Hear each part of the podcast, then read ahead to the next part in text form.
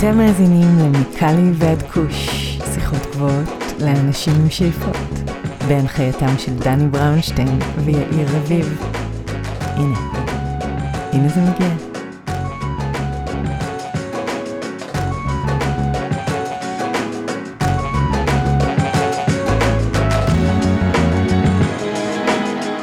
אהלן אהלן, מה קורה גבריאל? אהלן, ערב טוב, הכל טוב, איך אצלך? הכל מעולה.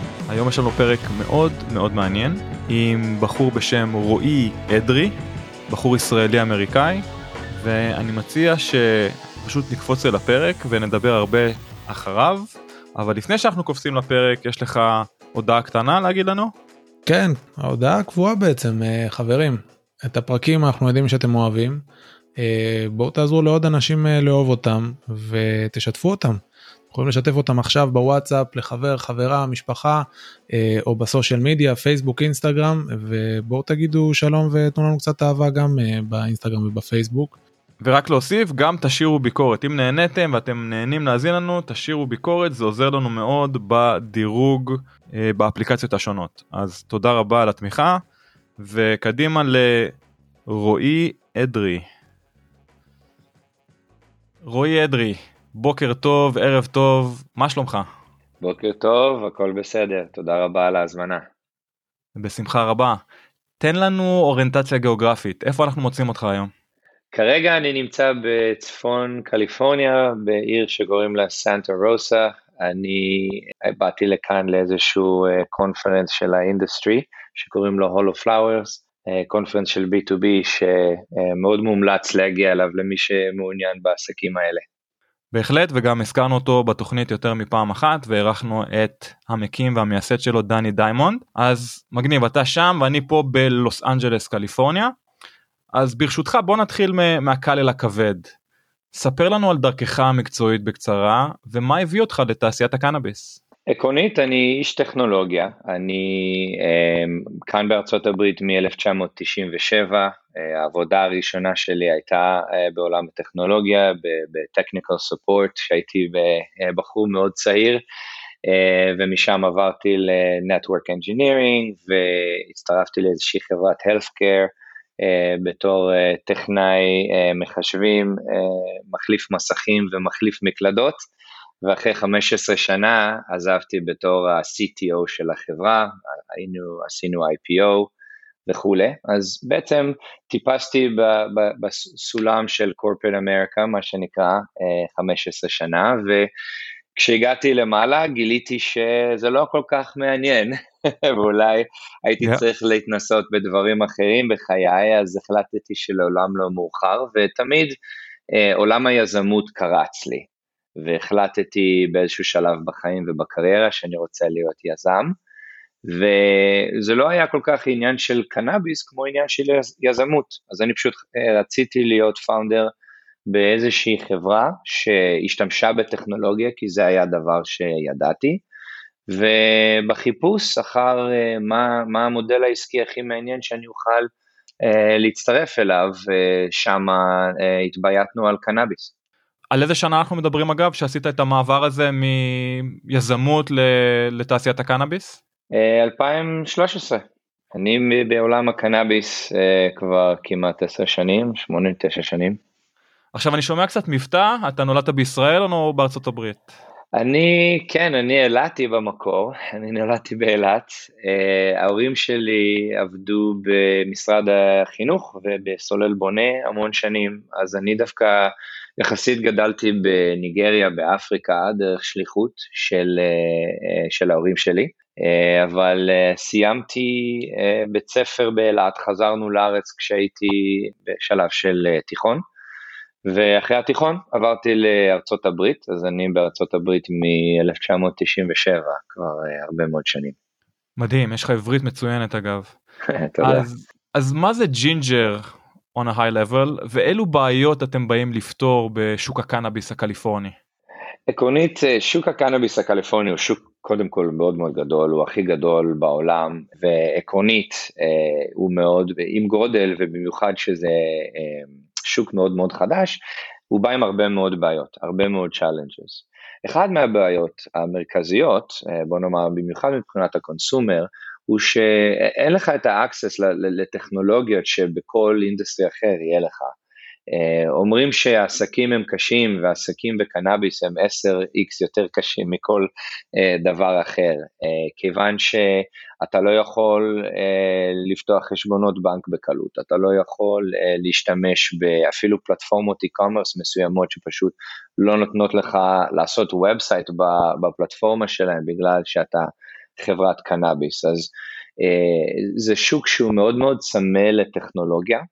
והאופרטורים בשוק הזה הם גם לא אנשים שכל כך מבינים טכנולוגיה ולא יודעים איך להשתמש בטכנולוגיה אה, בדרך הנכונה אה, לקבל את האפקטים שכל חברה אחרת מקבלת, כיוון שזה שוק שצמח מ... you know, כשהוא היה לא חוקי, זה היה טרנזקציות דרך אה, ביפרים ו- ו- ודברים כמו טלגראס למיניהם. והוא מיד עבר, כשזה הפך להיות שוק חוקי, הוא מיד עבר למכירות בתוך דיספנסריז, בתוך חנויות. אז אה, כל עולם הדיגיטל זה עולם יחסית חדש, והוא גם קשה מאוד להיכנס אליו, כיוון שאין הרבה אה, פתרונות. אז שם מצאנו את הנקודת תורפה, נקודת מפתח אה, בשביל ג'ינג'ר. ועקרונית, on a high level, מה שאנחנו בעצם פותרים לברנדים, זה אנחנו באים אליהם ואומרים להם, מה כרגע ה-revenue mix שלכם? אה, רוב הזמן, 100% מה-revenue שלהם, הוא בא ממכירות בתוך חנות, או ממכירות באתרי משלוחים. כאשר האתרי משלוחים האלה הם בעצם אגרגטורים של, של כל הברנדים, כולל המתחרים הישירים, של אותו ברנד ספציפי, ובעצם הם, הם אה, קונים את הצרכן ועושים איתו אה, מערכת יחסים, אבל לבעל המוצר עצמו אין את המערכת יחסים עם, עם הצרכן. וזה בעיה, כי בסופו של יום, Uh, בגלל במיוחד שזה industry uh, שהיא צומחת והרבה דברים משתנים במהירות, אז אתה בתור בעל ה brand יכול לקבל מחר טלפון ולגלות ש-20 חנויות הפסיקו למכור את המוצר שלך, או איזשהו אה, חנות משלוחים פתאום הורידה אותך לדף מספר 6, כאשר היית בדף מספר 1 וכולי. אז אנחנו בעצם נותנים להם מענה שנותן להם את היכולת לבנות אה, עסק e-commerce משלהם, כאשר הם בבעלות uh, הדאטה והם שולטים בכל הצ'אנל הזה. ובמה זה בעצם מתבטא הכלים שאתם נותנים להם אילו כלים בדיוק אתם נותנים להם ש, שעוזרים להם באמת אה, לחדור את אותה מעטפת אה, של הלקוח באופן ישיר? זה בעצם מסתכם בשני דברים כלליים, אחד זה טכנולוגיה ו- ושתיים זה לוגיסטיקה פיזית בפועל. Uh, מבחינה טכנולוגית אנחנו פיתחנו technology stack שהוא ממש soup to nuts, A to Z, כל מה שאתה צריך uh, בשביל למכור מוצר באינטרנט, שזה כולל איזשהו אה, מושג שקוראים לו Headless e-commerce, בעצם אנחנו אה, ניתקנו באופן ישיר את כל ה-user experience מה-back-end system, אז זה נותן לנו לתת ל brand אפשרות לפתח איזה, ש, איזה חוויית משתמש שהוא רוצה.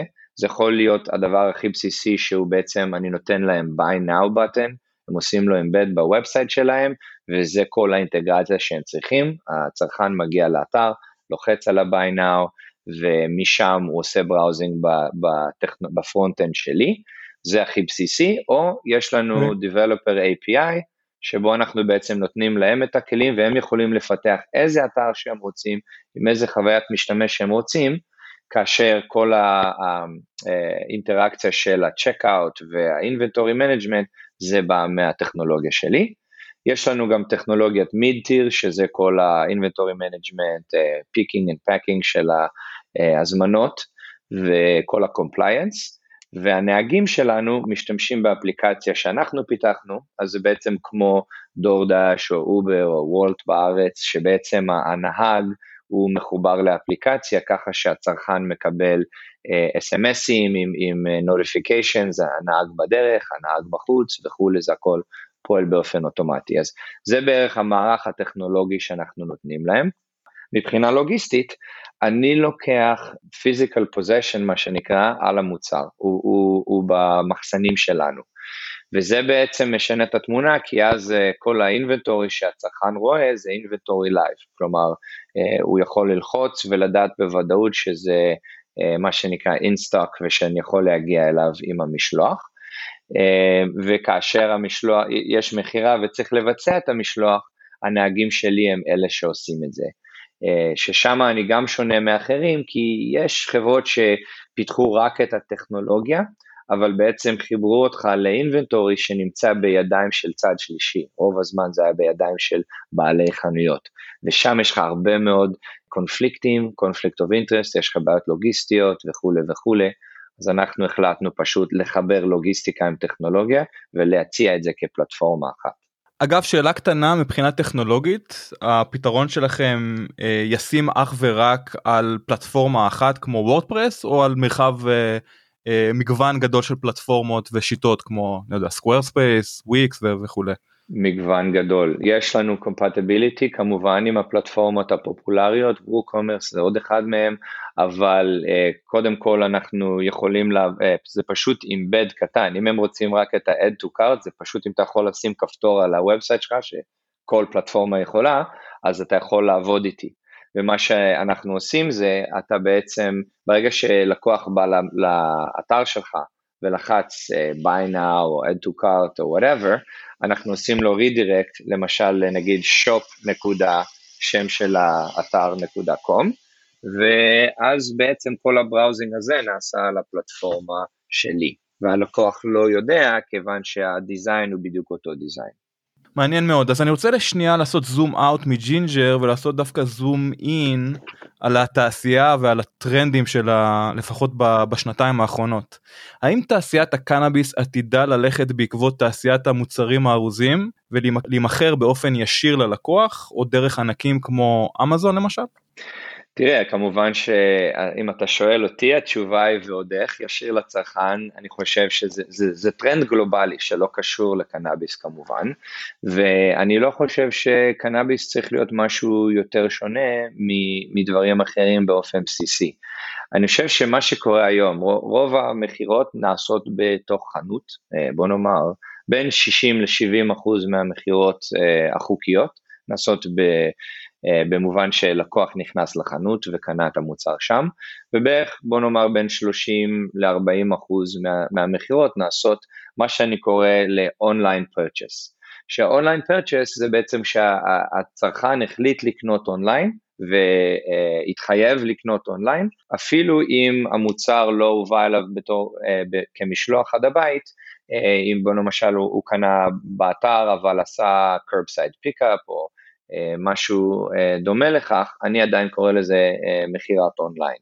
אז כבר כיום השוק הוא בעצם 30 עד 40 אחוז של מכירת אונליין, אבל הוא באגרגטורים, הוא בעצם ב-websites שהם לא בבעלות ה-brand, ואז אתה שואל את עצמך, האם יש איזשהו טרנד שבו אני יכול להביא את אלה שכבר קונים אונליין, להביא אותם מלקנות באתר א' לאתר ב', והתשובה שלי היא כמובן כן, כיוון שאני במיוחד בג'ינג'ר נותן להם את הכלים לעשות את זה אטרקטיבי. לטכנולוגיה שלנו יש דברים כמו membership rewards ו-subscription model וכל מיני דברים שעוזרים ב-retention שאגרגטור לא רוצה ולא יכול לתת כיוון שהוא לא ה-brand, הוא יכול לתת דברים גלובליים, rewards לפלטפורמה, אבל לא rewards שהם ייחודיים ל-brand. אז אני חושב שבהחלט עולם הקנאביס מוכן לכך, ואני חושב שאחד מההוכחות הן שכאשר אני מדבר עם brandים, עושה להם pitch לג'ינג'ר, התשובה היא לא, אה, זה לא הזמן, או לא, אני לא רוצה, היא, אה, וואו, איזה טיימינג טוב, אנחנו מדברים על זה, אנחנו מסתכלים על כמה חברות, בוא נשב ונדבר. אז, אז זה כבר מראה לך שאפילו בעלי ה-brandים הם, הם פתוחים ורוצים לעשות את זה. אגב טיימינג טוב אתה חושב שקוביד אה, תרם בצורה כזו או אחרת לטרנד הזה להתפתח מהר יותר מהצפוי? אה, אני בהחלט כן, אה, אני חושב שמה שקוביד עשה זה שהוא העביר הרבה מהמכירות ל-online, שזה ההכנה, זה כזה חצי שלב לדרך ל-direct to consumer. אני ישבתי אתמול ארוחת צהריים כאן ב-Hall of Flowers עם בחור ש... עד לפני חודש עבד בחברה שהיא אולי ה-top 5 בקליפורניה מבחינת מכירות, והוא אמר לי שלפני, והם fully integrated, אז יש להם uh, cultivation, יש להם brand שלהם, יש להם retail שלהם ויש להם delivery שלהם, יש להם כמעט הכל. הוא אמר לי שלפני קוביד זה היה, ה-revenue שלהם היה 70% בחנות ו-30% ב-online, ואחרי קוביד זה בדיוק התהפך. 30% בחנות ו-70% אונליין.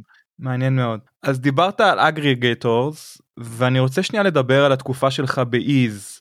Eaze, Eaze לא מי, מי שלא מכיר מהמאזינים זה בעצם אה, שירות המשלוחים הגדול ביותר בקליפורניה ובקרוב גם במדינות אחרות בארצות הברית. אז מהם התובנות שלמדת על תעשיית הקנאביס הקליפורנית תוך כדי עבודתך שם? ובכלל אם אתה יכול לספר לנו מה עשית שם ואיך העבודה שם תרמה לך להבין את השוק ואת הטרנדים שמתחלפים בו מהר מאוד. תראה, איז, אני, אני אחד משלושת המייסדים, בעצם זה, זה שלושה חבר'ה, אני ועוד שני חברים uh, טובים שלי שישבנו uh, uh, you know, בסלון שלי איזה יום מן הימים והחלטנו שכולנו שונאים את העבודת קורפרט שלנו ואמרנו let's all quit our jobs ונעשה משהו מבחינת יזמות וחשבנו הרבה הרבה על מה נעשה. ובסוף התבייתנו על uh, ל- לעשות משלוחים של קנאביס דרך אפליקציה, כזה באינספיריישן מאובר בוא נאמר.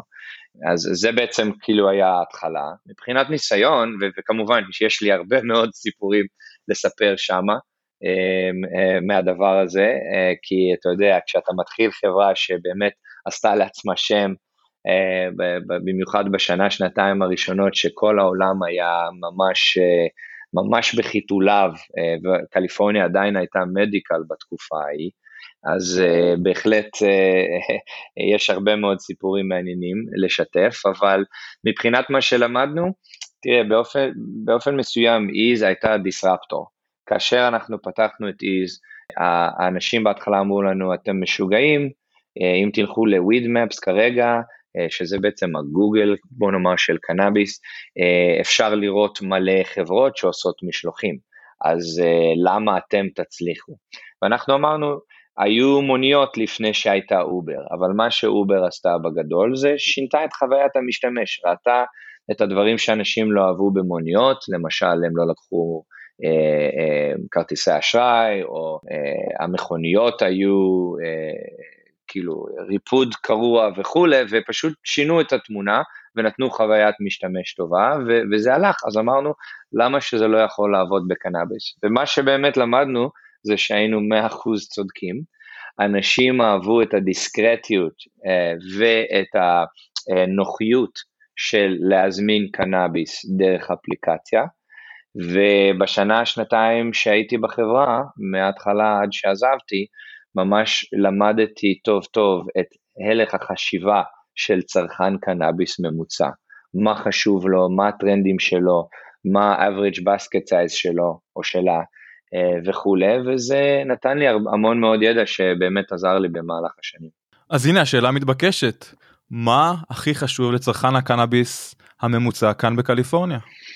איך שצרכן קנאביס בדרך כלל חושב, אני, אני אומר בתור פלטפורמה אתה צריך לשאול את הצרכן הזה, זה לא באופן ישיר, אבל זה מה שהוא חושב, אה, זה שלוש שאלות.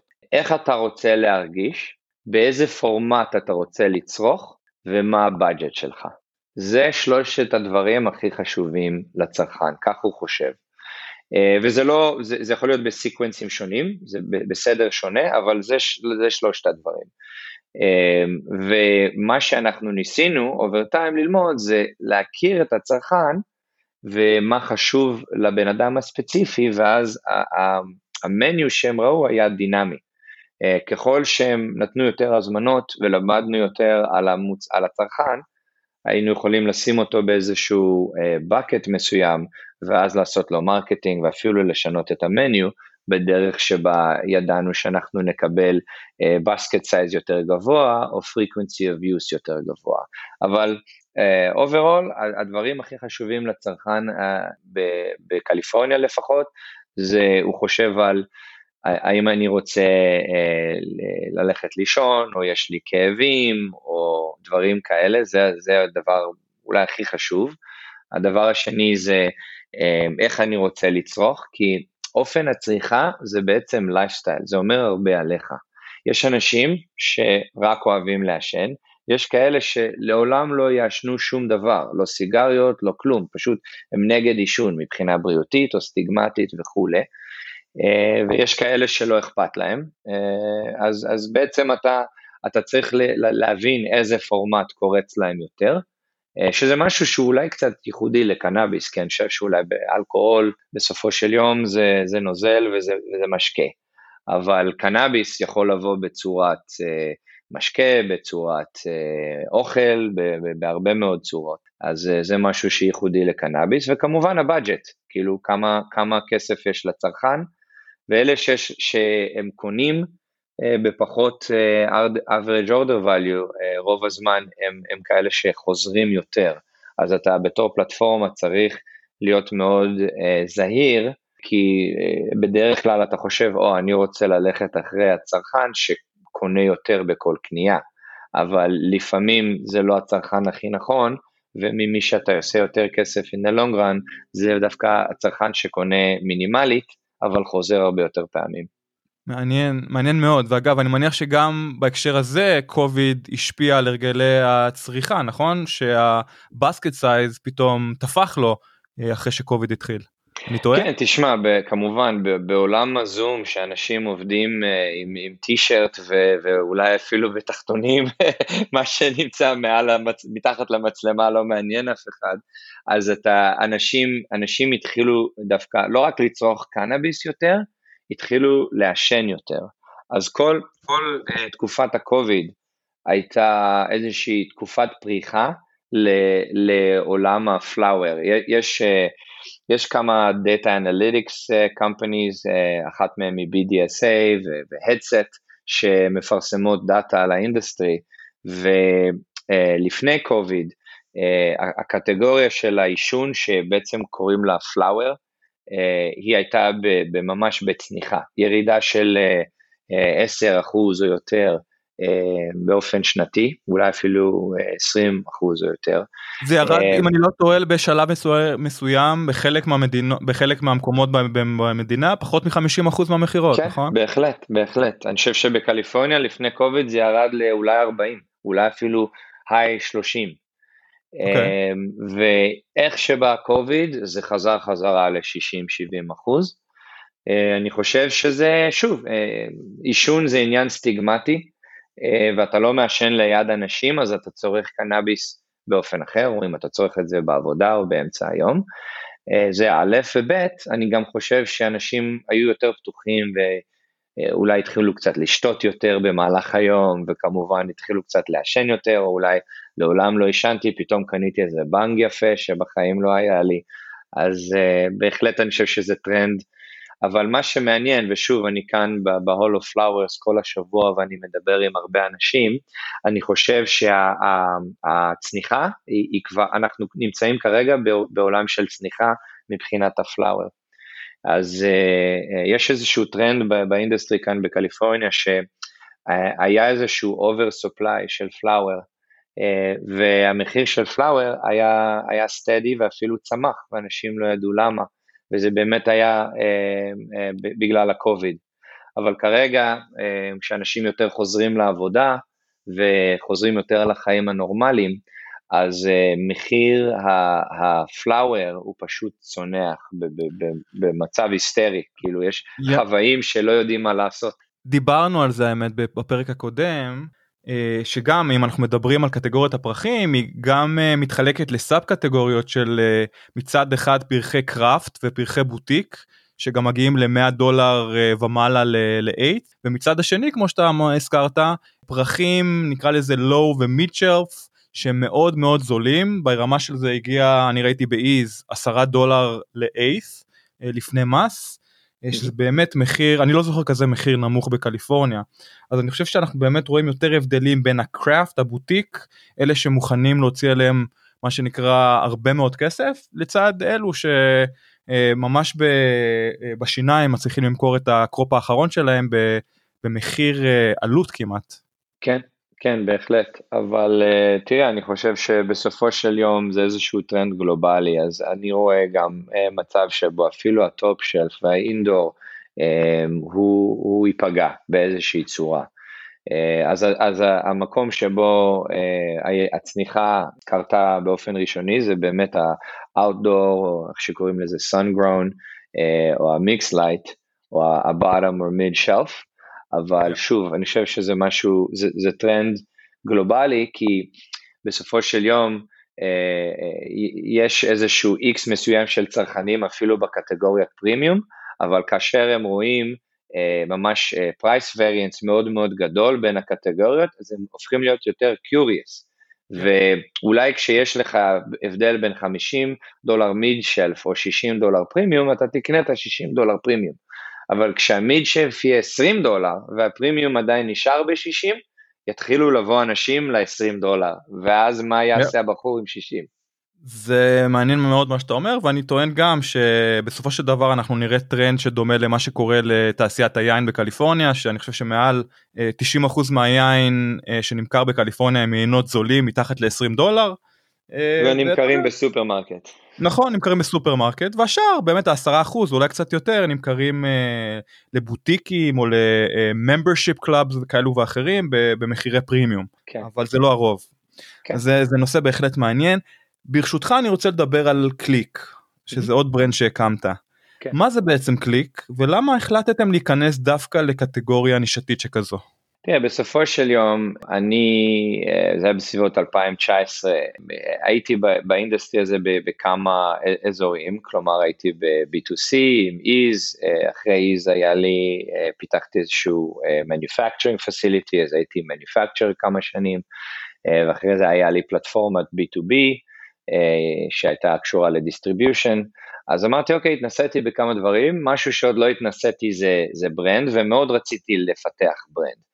אבל תמיד ידעתי שזה יהיה בתור uh, white labeler או contract אז באמת הייתי יכול לפתוח brand בכל industry או בכל קטגוריה ש, שרציתי, אבל אני רציתי בעצם uh, לפתח מוצר בקטגוריית נישה, שאמרתי, תראה, זה, יהיה דבר קשה no matter what, אני, אני רציתי שהקושי יהיה לפתח קטגוריה חדשה, מאשר לנסות uh, להתחרות עם uh, מה שקוראים לו Me Too product uh, בקטגוריה רוויה, עם הרבה אנשים שהתחילו הרבה לפניי ויש להם הרבה יותר כסף ממני והרבה יותר ריסורסים לעשות marketing ו brand awareness ולנסות לפ, לפלס לעצמי דרך שם. זה א', ב', אמרתי לעצמי אוקיי, אז, אז בקטגוריות נישה מה, מה יש? וראיתי איזשהו טרנד שאני חושב שגם קצת בקוביד אה, זה עזר טיפה, אה, ראיתי איזשהו טרנד שבמיוחד במדינת קליפורניה אנשים רוצים לחיות חיים יותר בריאים ועישון ידוע כדבר לא בריא ובמיוחד vaporization וזה היה לפני vape gate אבל אני בגלל שהייתי manufacturer ראיתי uh, בעצמי איך ש vape cartridges מיוצרות וזה פשוט uh, אין שם הרבה סטנדרטים בהרבה מקרים, ויש לך הרבה אינטראקציה כימית בין הליקוויד לבין ההארדוור, בגלל שאתה מחמם את הליקוויד לטמפרטורות מטורפות בשביל לקבל את האיוד, והרבה מההארדוור עשוי בסין עם אה, חומרים לא איכותיים, ויש לך ממש אינטראקציה כימיקלית בין, בין הליקוויד לבין ההארדוור. אמ, אה, שאנשים לא כל כך מדברים על זה, אז מבחינתי ממש vaporization ואיוד זה קטגוריה שהיא ממש מאוד קשה, אפילו מבחינה אתית לא רציתי להתקרב לדבר הזה בכלל. אז אמרתי, אוקיי, אם יש איזשהו טרנד גלובלי בקליפורניה של לחיות חיים יותר בריאים, אז בואו לא נעשה משהו של עישון. ואז אמרתי, אוקיי, אז אולי אני אעשה edible, ומבחינת edibles, זה מוצרים עם סוכר, יש להם בעיות עם טמפרטורה, אם זה שוקולד, זה נמס לך באוטו. אז ממש פתחתי את כל החלקים ואמרתי לעצמי, אוקיי, אז אם אני רוצה מוצר בריא, בלי סוכר, שלא נמס באוטו, אה, וכולי וכולי וכולי, והוא fast acting, שזה מה שאנשים כן אוהבים בלעשן, שזה נותן לך את האפקט כמעט באופן מיידי, אז התבייתתי על המוצר שהוא קליק, שזה בעצם Sublingual Oral Spray. אנחנו משתמשים בטכנולוגיה שנקראת Nano Emulsion, שהיא בעצם מפרקת את חלקיקי הקנבנואידים ומכניסה אותם למולקולות מים, אז uh, מה שזה עושה זה uh, כשאתה נותן ספרי של קליק זה איזשהו מיסט כזה שיושב לך בפה מאוד יפה עם טעם טוב והוא נכנס למחזור הדם דרך הנקבוביות שיש לך בתוך הפה, אז זה לא משהו שאתה צריך לבלוע ומערכת העיכול צריכה לפרק לפני שזה מגיע למחזור הדם. אז אם אתה לוקח קליק ספרי, אתה מרגיש את האפקט ב-5-6 דקות, ואנחנו עשינו microdosing tool, אז כל ספרי זה 2.5 מיליגרם, אתה תמיד יכול לקחת יותר ואתה לא יכול לקחת פחות. אה, אם לקחת edible, לפעמים זה לוקח שעה עד שאתה מקבל את האפקט, ואז זה גם נשאר לך במוח איזה 6-7 שעות, ואתה מתחרט על, על זה שלקחת יותר מדי, אז, אז שם גם רצינו קצת לשנות את התמונה. אז מי, מי בעצם קהל היעד של, של המוצר הזה, ואיך אתם מגיעים אליו? האם זה דוגמה קלאסית למותג שצריך להימכר אגב באופן ישיר ללקוח כמו דרך ג'ינג'ר? בהחלט כן, אה, ונדבר על זה קצת, אבל מבחינת אה, מי המוצר, מי הצרכן הקלאסי, אנחנו התחלנו, בהתחלה התבייתנו על אה, קטגוריות ה wellness, אז זה צרכן שבאמת מחפש אפקט. יש לנו כרגע ארבע ורסיות של הקליק ספרי, אחת לשינה, אחת לכאבים, אחת כזה all day, ואחד של כזה afternoon relax, קוראים לו chill. אה, אז בעצם אמרנו אוקיי אנחנו, אנחנו נלך אחרי אנשי הוולנס, אנחנו אה, נתביית על קטגוריות על וולנס, אלה שכבר מראש מחפשים מוצר נקי ובריא וכולי, ובשנה שאנחנו היינו בשוק הפכנו להיות ה-number one product אה, בקטגוריה שלנו, אבל כרגע אנחנו עוברים איזושהי טרנספורמציה ואנחנו מנסים ללכת יותר לכיוון של ה-mainstream. אחד מהדרכים שאנחנו עושים את זה זה דרך collaborations, אה, ואנחנו עוד אה, ממש חודש, חודש וחצי יוצאים עם הקולבורציה הראשונה שלנו, אה, וזה יהיה עם הבוקסר מייק טייסון. אז אנחנו עשינו לו SKU שלו, קוראים לזה The Toad's Breath, אם, אם אתה יודע קצת על מייק ועל הפודקאסט שלו, הוא מדבר, yeah. מדבר הרבה על, על DMT ועל ה-Toad, psychedelics uh, וכולי, זה משהו שמאוד מאוד קרוב לליבו, ויש לו, יש לו strain של flower שקוראים לזה The Toad. אז אנחנו בעצם ייצרנו קליק ספרי שקוראים לו The Toad's Breath, uh, ומייק הוא בעצם יהיה spokesperson שלנו. Um, אנחנו הכפלנו את, ה, את ה-dosage uh, ב-SKU שלו, אז זה בעצם יהיה 400 מיליגרם, אה, בכל בקבוק במקום 200 וכל ספרי זה 5 מיליגרם. אה, ואנחנו עובדים איתו ועם אנשים כמוהו להפוך את המוצר הזה ליותר מיינסטרים. אני חושב שמבחינת הצרכן זה, זה גם כאלה שזה יהיה המוצר הייחודי והיחידי שהם אה, משתמשים בו במהלך היום, אבל אני חושב שאנחנו יכולים להיות מוצר נלווה להרבה מאוד צרכנים אחרים שאולי כשהם מגיעים הביתה הם, אה, הם מוצאים את הבנק והם נהנים, אבל כאשר הם בעבודה או אה, עם אנשים או אצל סבתא בארוחת ערב, אה, יש להם את הקליק ספרי בכיס. אהבתי את הסבתא בארוחת ערב. כן. חשוב, חשוב לא לשכוח בכיס, תמיד שיהיה איזה... איזה משהו. איזה מפלט קטן מהסבתא. כן. אז אם כבר אנחנו מדברים על קליק, שותפך העסקי הוא לא אחר מספורטאי העבר, הלא רחוק, עמרי כספי. בהחלט. אז איך זה לעבוד איתו, ובכלל איך לדעתך ניתן למנף, דיברנו על מייק טייסון, איך ניתן למנף את כוח ההשפעה שיש לאותם ספורטאים כמו עמרי, כמו מייק, שנכנסו לתחום הקנאביס, אה, לשנות את הסטיגמה והשיח סביב הצמח. קודם כל עמרי הוא איש זהב אה, והוא גם אדם מאוד מאוד חריף, חכם, יש לו חוש עסקי נדיר אה, וג'סט איש נשמה, ממש אה, אנחנו עובדים ביחד כמעט שלוש, שלוש וחצי שנים, מדברים עשר פעמים ביום וממש בחור שכיף מאוד לעבוד איתו, אז אפילו ברמה האישית ממש הוא, הוא בן אדם עשר. מבחינה עסקית, כמובן, עצם העובדה שהוא שותף, זה פותח הרבה מאוד דלתות. אנחנו, כאשר גייסנו את הראונד הראשון שלנו בקליק, הוא חיבר אותי עם הרבה מאוד חבר'ה מהליגה, אז יש לנו חמש משקיעים מה-NBA, שלושה מהם אקטיביים, עדיין משחקים. Unfortunately, בגלל הסטיגמה וכולי, עדיין אסור לי לגלות מי, אבל. היום, היום שכן יבוא בקרוב.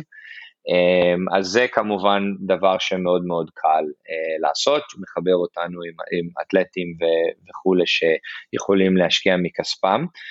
אחד מהם אני כן יכול לדבר עליו, הוא שחקן עבר, בחור בשם לארי סנדרס, הוא שיחק במילווקי בקס הרבה מאוד שנים, שלוש ארבע שנים דווקא, אבל הוא, הוא קצת uh, infamously known כבחור שהיה צריך לעזוב את הליגה בגלל שימוש הקנאביס. Uh, אם, אם תעקוב אחריו קצת זה סיפור מאוד מאוד uh, מופלא. Um, אז כמובן שהוא spokesperson מאוד מאוד טוב, כי הוא בעצם שחקן NBA ש... הוא עזב בגלל שתפסו אותו על שימוש בקנאביס, והדבר האירוני הוא שכיום הם הודיעו בתקופת הקוביד שה-NBA מפסיק אה, לבדוק על שימוש בקנאביס, פשוט הם מסתכלים על הצד השני, וכולם יודעים שהטרנד הוא שזה פשוט יהפוך להיות משהו שהוא מותר. כבר ליגות אחרות עשו את זה, ו- ואני בטוח שה-NBA יעשה את זה בקרוב. אה, מכל הדאטה שאני מקבל מהחבר'ה של ה-NBA שאני יושב איתם ומדבר איתם על כוס בירה, 99.9% משחקני הליגה צורכים קנאביס באופן קבוע. בהחלט. אבל כן זה ידוע שהליגה הזאת אה, היא ליגה כבר שממזמן אה, יותר מחצי ממנה משתמשת בקנאביס בצורה כן. כזו או אחרת אם זה במחשכים או אם זה בצורה יותר אה, גלויה וזה טוב אני חושב שזה חשוב ששחקן כמו אה, כמו כמו לארי וגם שחקנים אחרים בעיקר אם הם כבר לא פעילים ידברו על כן. הצמח על הסטיגמה השלילית ועל איך אפשר לשפר את אותה סטיגמה ו- ודעה שלילית על הצמח. בהחלט. אני, אני עשיתי פודקאסט עם לארי וממש הוא סיפר סיפור מאוד מאוד אישי שאני אפילו לא ידעתי שהוא אמר שהוא התחיל להשתמש בקנאביס בליגה בשביל להתמודד עם הליגה. כלומר הוא אמר אני גדלתי אינר סיטי וכולי אבל לא השתמשתי בקנאביס עד שהגעתי לליגה והדבר שזה עזר לי איתו הכי הרבה זה היה עם שינה. הוא אמר ממש הליגה היא כל כך ברוטו, 80 ומשהו משחקים, אתה כל פעם על מטוס ומלונות ומקום זר, והוא אומר לא הייתי יכול לישון, ואז למחרת אתה צריך להיות to perform, ואין לי את האנרגיה, לא ישנתי טוב, וזה נתן לי anxiety וכולי וכולי. אז uh, הוא ממש אומר הייתי אחרי משחק מגיע, מגיע לחדר, uh, light up a joint or whatever, וזהו, אני נרגע, הולך לישון, קם בבוקר, מוכן להתאמן, הכל טוב ויפה. וברגע שאמרו לו, תשמע, אתה לא יכול להשתמש בקנאביס, תפסו אותו פעם אחת, עשו לו סוספנשן, הוא חזר, תפסו אותו עוד פעם, אמרו לו, או שאתה מפסיק, או שאתה צריך לעזוב. הוא אמר להם ביי, וזה, yeah. uh, you know, זה היה עד כדי כך חשוב לו, הוא אמר להם, I use this for my mental health. If I don't use this, I, I will not survive in this league anyway. האם עמרי אה, יותר אה, גלוי מהבחינה הזאת לגבי המעורבות שלו בעסקי הקנאביס או שהוא עדיין יחסית אה, שומר על נקרא לזה לא עמימות אבל לפחות שקט תקשורתי בנושא. תראה, אני חושב שיצא איזשהו מאמר בוויינט לפני איזה שנה, שנה וחצי, שזה היה קצת משהו שאני חושב שהוא לא היה מעורב בו, מישהו דיבר על זה ויצאו עם איזושהי כתבה, אני לא יודע אם הוא נתן איזשהו קוואט או תשובה לשאלה הזאתי. עמרי, אין לו שום בעיה לדבר על הקנאביס, אבל הוא, הוא עוזר יותר בצד העסקי, ולחבר אנשים ולהביא משקיעים ודברים כאלה. אנחנו לא כל כך אה, נסתמכים עליו כאיזשהו spokesperson לקנאביס בכלל או לעסקים שלנו בפרט, כיוון שאני חושב שיש אנשים ש... ממש uh, מבחינה אותנטית uh, הקנאביס עזר להם uh, לכל חייהם או עוזר להם עכשיו ואנחנו מעדיפים שאלה יהיו האנשים שבאמת יהיו הקול של, ה, של ה-industry או של העסקים שלנו בפרט. זה דבר שהוא מאוד מאוד חשוב, אבל אני חושב שיש כמה מאמרים וכמה רעיונות שבהחלט הוא מדבר על, על עיסוקיו בעולם הקנאביס, לא משהו שהוא מחביא, אבל גם לא משהו ש... הוא דוחף באופן אה, אובססיבי. טוב, נשמח גם לארח אותו בתוכנית שלנו ב, אה, בעתיד הלא רחוק. בהחלט. הוא על הקו כרגע דרך אגב בין, בין LA לתל אביב אז אה, אולי, אולי נארגן את זה בקרוב. בשמחה רבה. אז רועי ברשותך אני רוצה לעבור לכמה שאלות אישיות. כן. איך אתה צורך את הקנאבי שלך ומהם המוצרים האהובים עליך? זו שאלה מאוד טובה אה, וזה אולי גם קצת יישמע לא כל כך אותנטי אבל אני לא אני לא הצרכן הכי גדול של קנאביס אה, כמובן שמבחינה מורלית אין לי איתו שום בעיה. אה, אני אם אני כבר משתמש בקנאביס זה רק במוצר שלנו בקליק ורק בדרים בנייט טיים זה משהו שמאוד מאוד עוזר לי. גם לי לפעמים קשה לישון במלונות וכזה ב-environment שהם לא חדר שינה שלי, אז uh, אם, אם יש מוצר קנאביס שאני משתמש בו, זה רק הספרי שלנו שהוא הדרים, ה-night time. Uh, מעבר לזה, אין לי, אין לי כל כך הרבה קשר מבחינת uh, צרכה, צריכה אישית למוצר, למרות שכמובן זה דבר שאני מאוד מאוד אוהב ומאוד מאוד בעדו, אבל זה לא משהו בשבילי, אני אוהב כוס יין every now and again, וזה בעצם uh, איך שאני כזה קצת אה, נרגע. יפה, אגב, עכשיו יש לך יין עם קנאביס, אתה בטח יודע. אה, כן, אבל זה לא אותו דבר. Not the real thing, אבל uh, it's getting there. כן. יש מוצר שמצטרף אלינו לפלטפורמה לג'ינג'ר, מאוד מאוד מעניין, זה, אני אוהב innovation בהחלט, וזה דווקא השתמשתי ואני אומר לך זה משהו נפלא.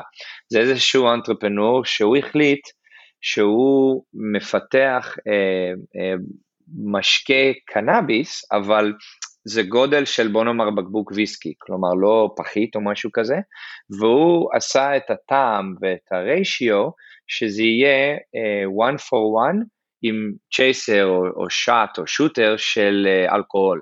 אז הוא עשה, uh, יש לו ג'ין, טקילה וראם. אז uh, uh, ובעצם אם אתה לוקח שוט של uh, בקרדי או שוט של המשקה שלו ועושה קוקטייל, אחד עם הראם ואחד עם התחליף ראם שלו, אתה עקרונית מקבל את אותו באז ואת אותו טעם בלי האלכוהול. ואתה יודע, אני שומע סיפורים כאלה, אני מאוד סקפטי. אמרתי לו, אוקיי, בוא למשרד, תביא את המוצרים שלך ונראה. ואני אומר לך, I fell in love, אני חושב שזה איזשהו מוצר שיכול להיות ממש ווינר מאוד מאוד גדול. אז uh, הם יוצאים לשוק, אני חושב, ממש בשבוע, שבועיים uh, הבאים. מה השם? Uh, קוראים לו מון, מון, uh, כמו הירח, אבל ה-spelling זה M-X-X-N, משום מה, לא יודע, okay. אוקיי. זה מון, uh, ודרך אגב, uh, סיפור קטן על, על, על ג'ינג'ר, Uh, הוא, הוא סטארטאפיסט, uh, הוא עשה artisanal batch של אני חושב איזה 5-6 אלף חתיכות, אתה יודע, הוא כזה priming the market, הוא רוצה לראות מה התמחור שלי, איפה אני אצליח וכולי, והוא בא אליי ואמר לי, תשמע, אני, אני, אני הסתכלתי על התמונת מצב ואמרתי, איך אני עכשיו נכנס לחנויות, מה יהיה התמחור שלי, איך אני נותן incentive ל-budtender, למכור את הבקבוק הזה וזה 100 דולר בקבוק, אז, אז האם זה בכלל יימכר? טוב ב-dispensaries? ואז בעצם הוא אמר לי, ה-direct to consumer זה perfect בשבילי, כי אני פשוט עושה advertisement online, אני נותן promotions וכולי, אם אני מצטרף לג'ינג'ר אני יכול לעשות delivery כמעט בכל קליפורניה, עם פרטנר אחד, במקום עכשיו להתחיל להיכנס חנות, חנות, חנות, ואני מקבל את הדאטה, אז אני יכול לעשות surveys ל-customer, אני יכול להתקשר אליהם, לשאול מה דעתם וכולי. אז זה קצת uh, shameless plug כדוגמה ל-value של uh, direct to consumer פלטפורמה, שלעולם לא היה יכול להיות לו אם היה עובד עם uh, חברות delivery או עם ריטיילרים, כי הם לא היו נותנים לו את ה-access לקונסומר. יפה. אז אילו שחקנים אחרים אתה מעריך אם זה בשוק הקליפורני או בשוק הישראלי ולמה? תראה אני אני אוהב את, ה, את עולם המדע. אה, זה משהו שמאוד מאוד קורץ לי אז uh, יש יש כמה חברות שעושות הרבה דברים מאוד מאוד מעניינים עם הקנאביס. אני חושב שבישראל זה נעשה יותר בקטע הרפואי שאני לא כל כך קרוב אליו או מחובר אליו רק כיוון ש... פה בארצות הברית זה לא כל כך חזק בוא נאמר כמו בישראל, אבל מבחינת הסייאנס של פיתוח של פורמטים חדשים והדרך שבה הקנאביס, האקטיב אינגרידיאנס בקנאביס מפותחות כרגע למוצרים חדשניים וייחודיים, זה משהו שאני מאוד מתלהב ממנו, אז אם אתה תגיד לי מי האנשים שאתה מעריץ, זה יהיו אנשים שלעולם לא שמעו עליהם.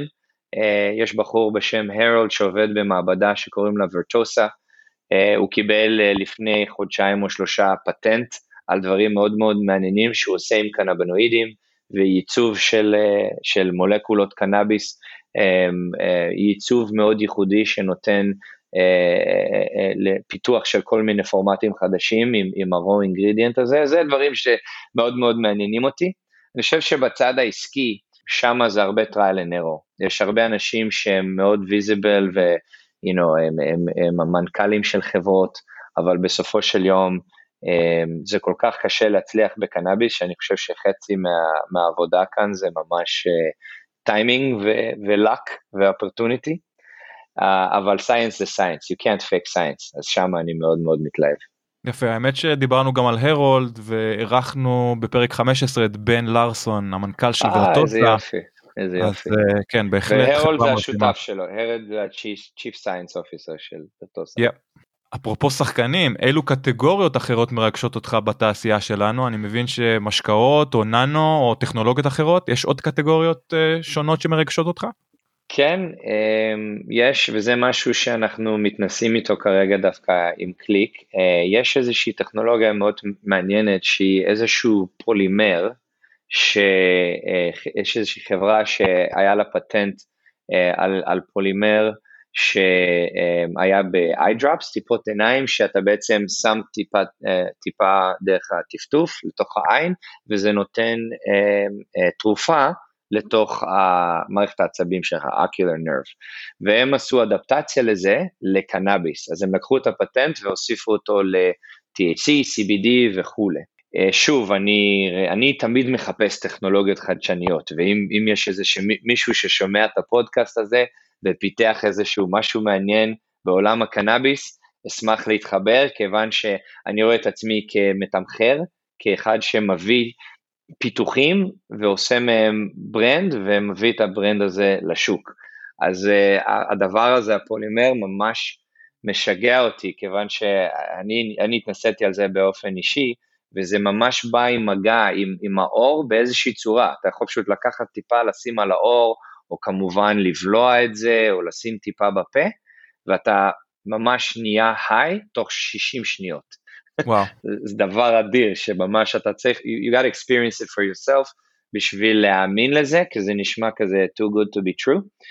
Um, אז זה טכנולוגיה שמאוד מאוד מעניינת אותי, ואני חושב שזה עדיין אנחנו בתחילת הדרך, זה, אם זה sublingual strips, אם זה you know, משחות שיניים, כל מיני דברים כאלה מעניינים, אני חושב שבסופו של יום ההצלחה של הקנאביס תהיה כאשר זה יהיה ממש איזשהו ingredient מסוים בהרבה מאוד מוצרים.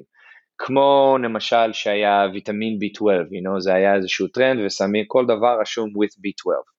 אני חושב שאתה לוקח את הקנאביס ממינון מאוד מאוד נמוך, ואתה יכול להפוך ממנו אה, הרבה מאוד מוצרים שממש עושים enhancement או upgrade לדברים שכבר קיימים, זה משהו שאישית מאוד מאוד קורץ לי.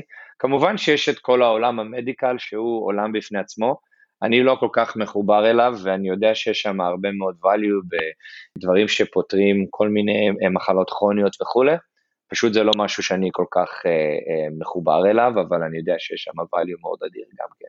אז מהו הטיפ הראשון שהיית נותן ליזם בתחום הקנאביס? טיפ שלא למדת בבית ספר. Um, אני אומר, business is hard, business in, in cannabis is 10 times harder.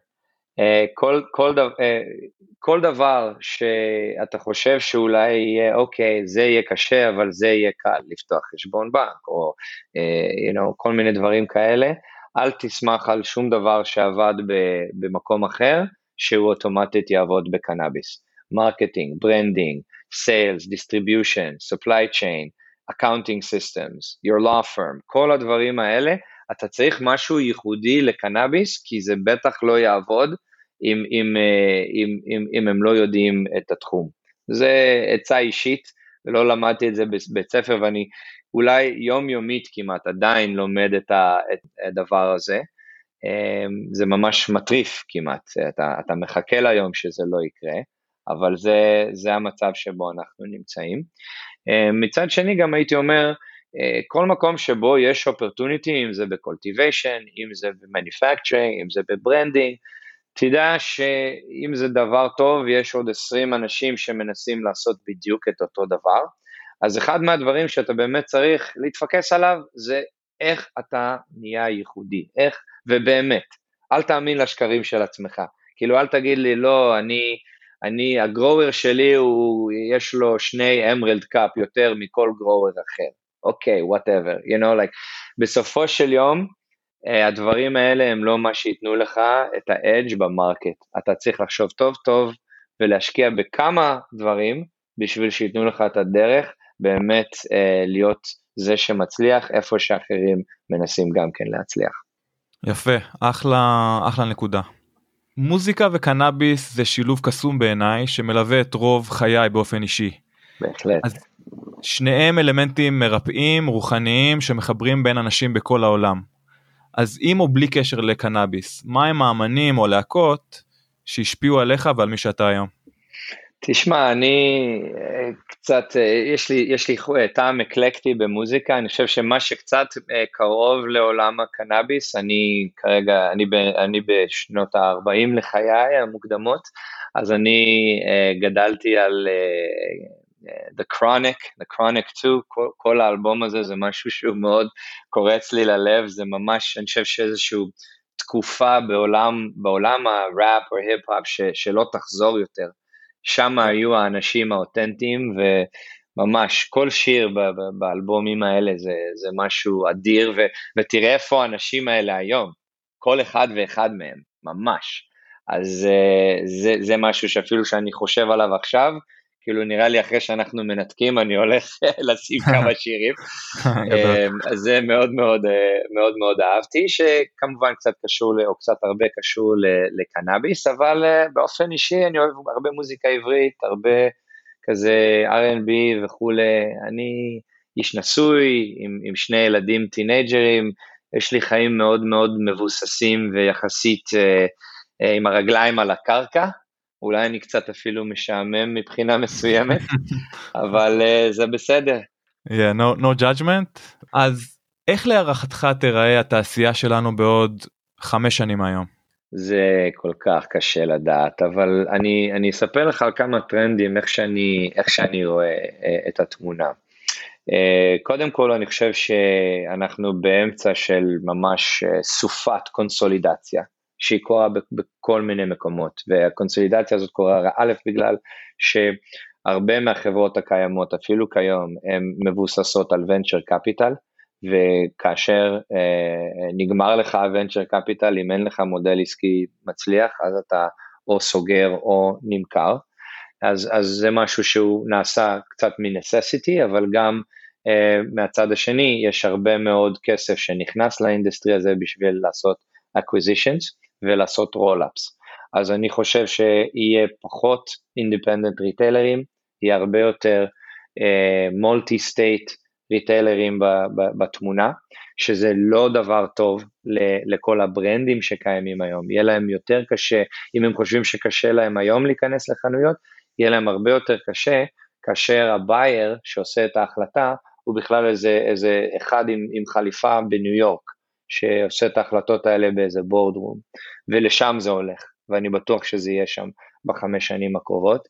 זה מבחינת הריטייל, שזה אני חושב שיביא לקולאפס של אה, אחוז מאוד מאוד גבוה של הברנדים שקיימים כיום, הם פשוט לא יוכלו לחדור לשוק, וה-saving grace אולי היחידי שלהם, זה יהיה direct to consumer, אלה שבימים האלה משקיעים, עושים את ההשקעה היום, שכאשר עולם הקונסולידציה יהיה חזק, אז יהיה להם את, ה, את הדרך uh, להסתמך על channel שהם שולטים.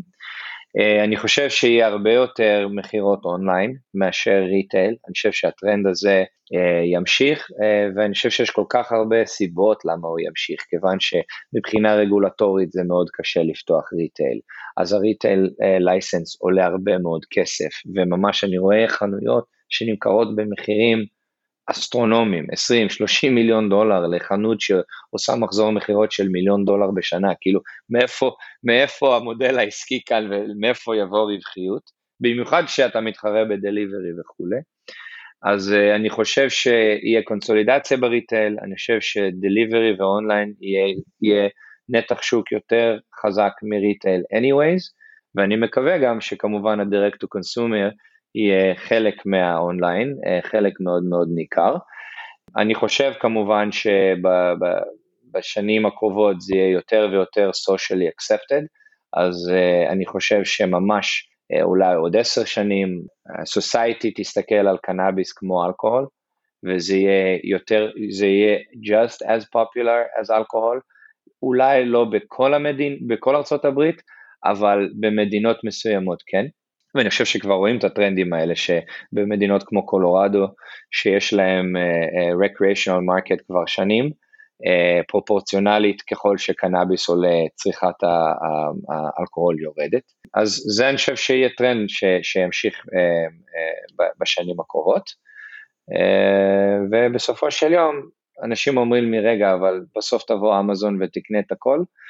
שם אני לא יודע, אני, אני קצת חולק על אלה שאומרים שזה בוודאות יקרה, כי אני אומר, בואו נסתכל על עולם האלכוהול, כאילו, על, אמזון היא לא בר, כאילו, אני חושב שאולי הם מוכרים יין, אבל זה לא משהו שהוא כל כך אה, קל אה, אה, להזיז. בסופו של יום, גם בתקופה שבה קנאביס הוא fully legal, כמו בוא נאמר קנדה, הוא עדיין ייחשב כ-controlled substance, הוא עדיין יהיה משהו שהרגולטורים ישימו סביבו הרבה uh, מעצורים והרבה ביורוקרטיה. והנקודות האלה, אתה צריך להיות מישהו שמתמחה בדבר הזה בשביל להיות יעיל. Uh, ואני חושב שיהיה איזשהו מקום לחברת אמזון אוף וויד, אני פשוט לא יודע אם זה יהיה אמזון עצמה. כן, אז תודה, אני מסכים אגב לגבי התחזית שלך, היא, היא פחות או יותר דומה גם לתחזית שלי. ואגב בנימה אישית אני יודע שאתה מאוד uh, פרו ציוני ואתה אוהב ישראל אתה חושב שיש סיכוי שנראה ג'ינג'ר או את קליק ב- בישראל בעוד חמש שנים? בשמחה רבה כמובן אנחנו מחכים ליום הרגולטורי שבו uh, it will make business sense אבל בהחלט גם אם יש איזשהו מישהו ששומע שמעוניין בטכנולוגיה אנחנו במדינות חוץ מקליפורניה לא בהכרח חייבים להיות ה-operatorים אנחנו אה, פתוחים לעסקות licensing, אה, שזה גם כמובן בקליק אותו דבר, המודל העסקי שלי בקליק זה anyways אה, לעשות licensing עם co-packerים במדינה כמדינה. וכמובן בנימה האישית אני אוהב ישראל, ציוני, through and through, הולך לוועידות איפא"ק, חבר ב-IAC ותורם כמה שאני יכול למדינה מבחוץ. מדהים, רועי אדרי קודם כל שוב המון המון תודה שהגעת אלינו ולפני שאנחנו מסיימים איפה אפשר למצוא אותך במרשתת לעקוב אחרי הפעילות שלך ושל החברות שלכם אם זה ג'ינג'ר או אם זה קליק. הדרך הכי קלה זה דרך הלינקדאין, אני מאוד visible ומאוד אקטיבי, ואם מישהו שולח לי message אני רוב הזמן עונה, אלא אם כן הוא spammer מסין שמנסה למכור לי מכוניות מרוץ, אבל כן, uh, עקרונית, uh, כן, ועוד איך, עקרונית אני מאוד מאוד visible ואקטיבי בלינקדאין, אז, אז uh, זה המקום למצוא אותי. יפה, אז רועי אדרי, קודם כל אני מאחל לך הצלחה רבה, גם עם המותגים ג'ינג'ר וקליק, אה, ביחד עם עמרי כספי, אני מקווה שבאמת תשברו את תקרת הזכוכית, אה, ומעבר לזה אני מאחל לך הצלחה ברמה האישית, שתגשים את עצמך, ושבאמת תשאיר חותם על התעשייה שלנו, אני מרגיש שאתה כבר עושה את זה ב- בימים אלו. תודה רבה, תודה רבה, נהניתי מאוד, ונדבר שוב בהקדם. אוקיי, אז זה היה רעיון מאוד מעניין עם רועי אדרי. מה דעתך, גבריאל? אני יודע שלא היית ברעיון, אבל בכל זאת הקשבת לו? קודם כל הקשבתי והתאכזבתי שלא הייתי נוכח ובאמת אה, לא יכולתי אה, להגיע לשעה של הראיון אבל אה, איזה בן אדם מרשים באמת אדם משכמו ומעלה אבל כאילו גם הסיפור חיים וגם כל הדברים שהוא היה ונמצא בהם בתעשייה יוצא דופן. בהחלט ורק להזכיר חלק מהדברים אני חושב שהיותר מעניינים שדיברנו עליהם קודם כל העבודה שלו באיז הבחור הקים את איז שזה בעצם שירות השליחויות הגדול הפופולרי ביותר בקליפורניה כיום שמגיע כמעט ל-100% מתושבי קליפורניה ובעצם חלק מהעבודה שלו אתה לומד להכיר טרנדים וסוגים שונים של לקוחות. דיברנו על חלק מסוגי הלקוחות ברעיון אבל זה רק מדגיש את העובדה שלא כל צרכני הקנאביס זהים הם.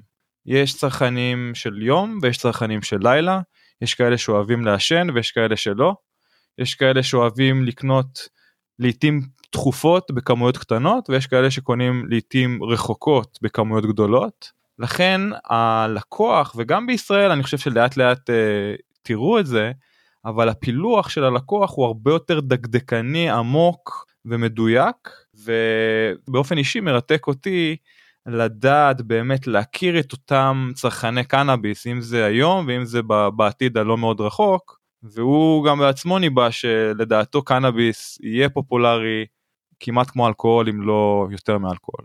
כן בעניין של Eaze שהוא רלוונטי גם לג'ינג'ר בסוף Eaze הם, כן הם משלחים קנאביס אבל איך שאני תופס אותם הם בעצם חברת דאטה זאת אומרת ה edge הגדול הערך הגדול שהם יכולים לייצר הוא אותו דאטה של כל מה שציינת, מי הצרכנים, איך הם צורכים, מה הם קונים, מתי וכולי וכולי, איך טרנדים אה, עולמיים כמו מגפות לדוגמה משפיעים על הדברים הללו.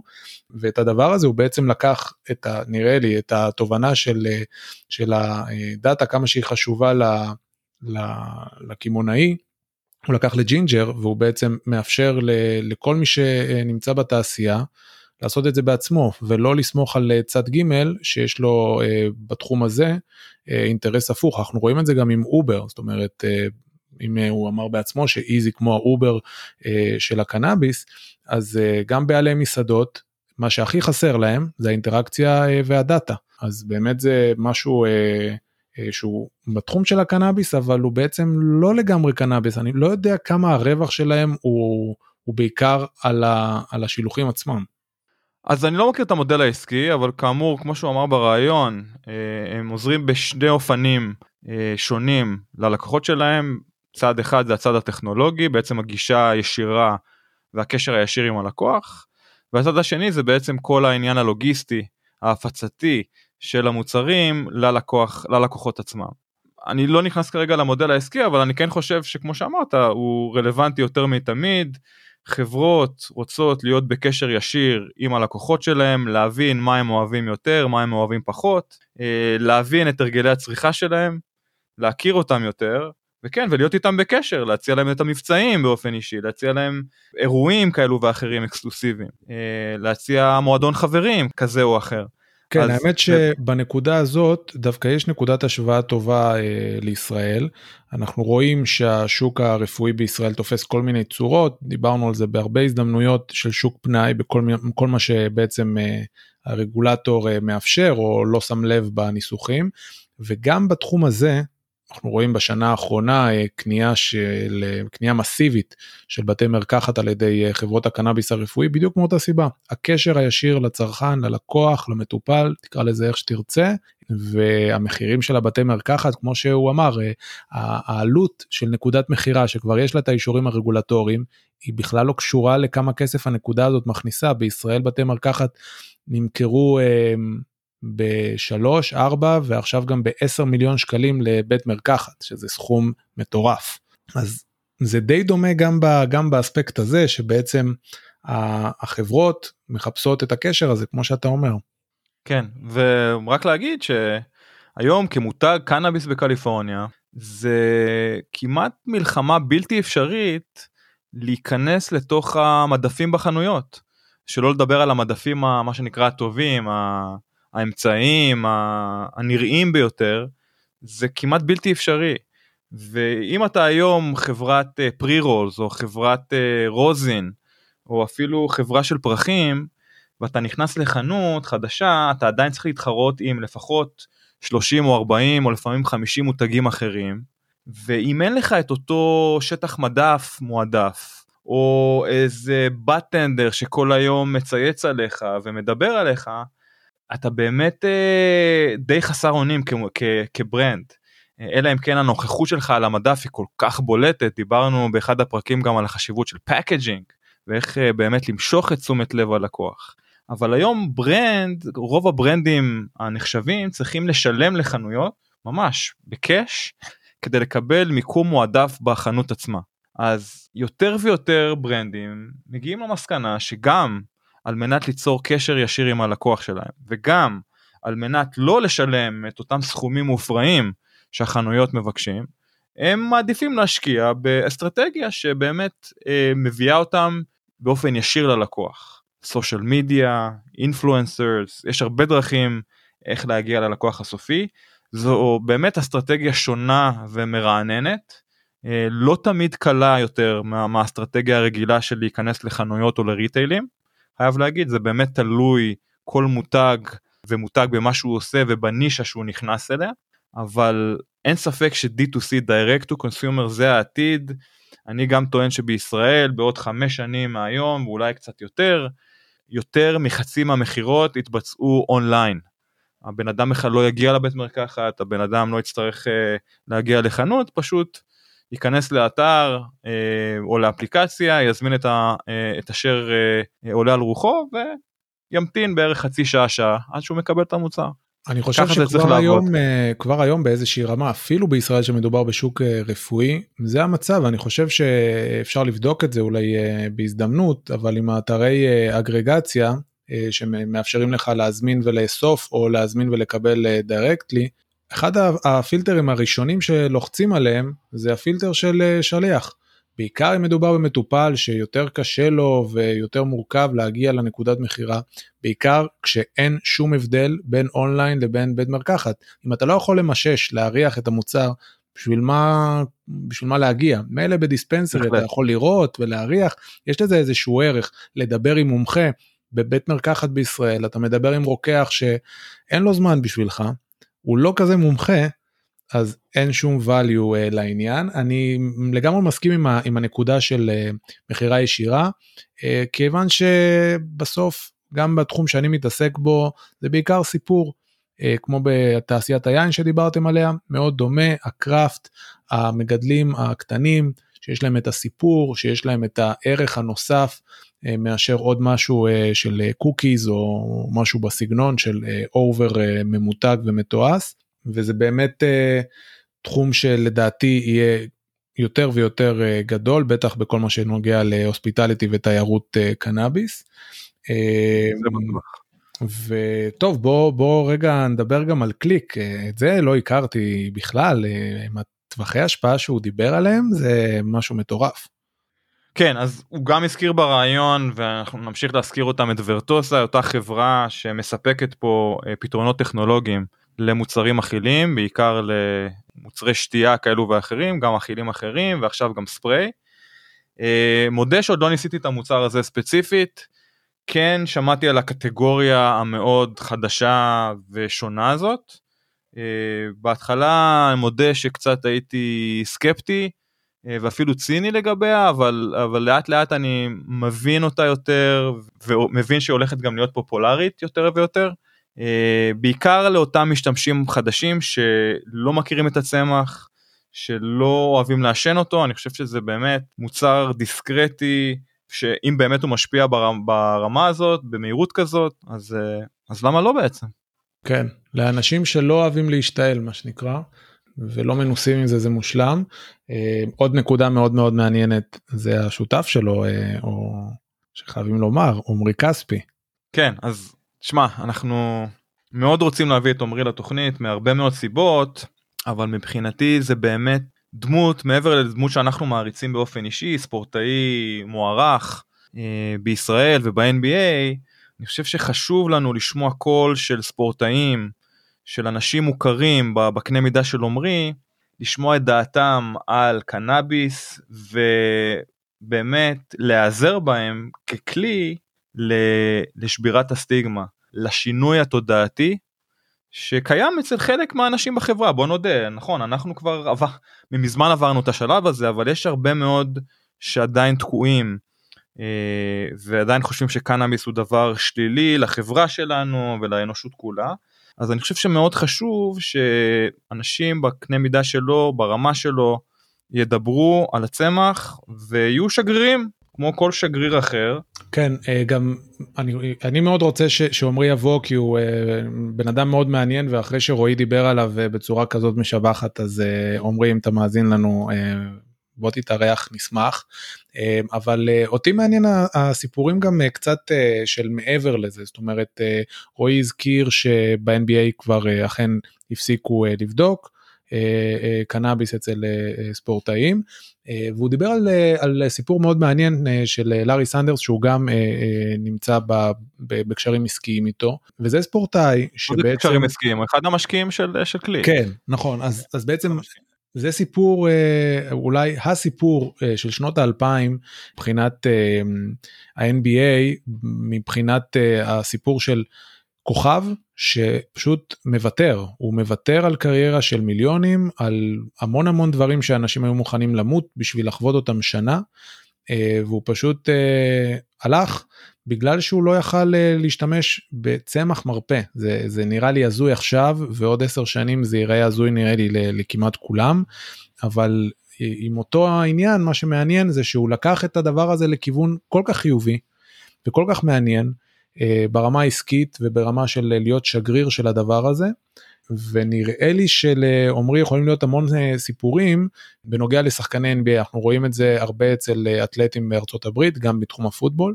אה, שמתעסקים בקנאביס אחרי שהם פורשים אבל עושים בזה חיל. ועוד משהו שמאוד התחברתי לרועי באופן אישי זה מה שנקרא חתירה למגע או החשיבה המתמדת לפרויקט הבא לדבר הבא כל הזמן בתנועה כל הזמן מחפש לחדש. משהו שהוא לא הזכיר ברעיון, הוא היה מעורב גם בפיתוח של אה, טכנולוגיות ואפליקציות אחרות שקשורות גם במניעה וגילוי של אנטישמיות, אז אה, באמת מדובר באיש מבריק שא' רוצה לעשות טוב, גם לתעשייה שהוא נמצא בתעשיית הקנאביס וגם ל, אה, ליהדות, הוא כמו שאמרנו פרו-ישראלי, אבל בהחלט סיפור הצלחה ישראלי, אמריקאי, שנותן השראה לעוד. כן, הוא בהחלט עילוי וכיף אה, כיף להאזין לסיפור כזה ובעיקר מה שאמרת הוא, הוא כל הזמן בתנועה אה, יש יזמים אה, שמשקיעים 20 שנה בפרויקט ועושים אותו כל כל חייהם אפשר לומר והוא ממש תוך אם הוא בן 40 וקצת אז תוך 20 שנה בערך הוא עשה שלושה מיזמים מאוד גדולים רק בקנאביס. זאת אומרת כן. זה אז uh, באמת uh, שאפו ואחלה השראה. בהחלט. אז זהו, אז זה היה רועי אדרי וקליק וג'ינג'ר, החברות שלו. עד כאן, מקאלי ועד כוש, פר, פרק 67, מספר שאני מאוד אוהב. תודה רבה גבריאל, שיהיה אחלה שבוע. תודה רבה דני, אחלה סוכות. צ'או. תודה שהאזנתם לתוכנית. אם נהניתם ממנה, ומהאורחים שהבאנו לכם, נשמח אם תדרגו אותנו בחמישה כוכבים. כל דירוג או ביקורת חיובית יעזרו לנו להמשיך להביא לכם את האורחים הכי שווים בתעשיית הקנאביס. יש לכם הצעה לאורח או נושא מעניין? נשמח לקבל בקשות והצעות לגבי נושאים או אורחים שמעניינים אתכם, המאזינים שלנו. אנא כתבו אלינו ל- From Kali to Push at gmail.com From Kali to Push במילה אחת at gmail.com אנא אל תיקחו את האינפורמציה שמוגשת בתוכנית כעצות רפואיות או עסקיות.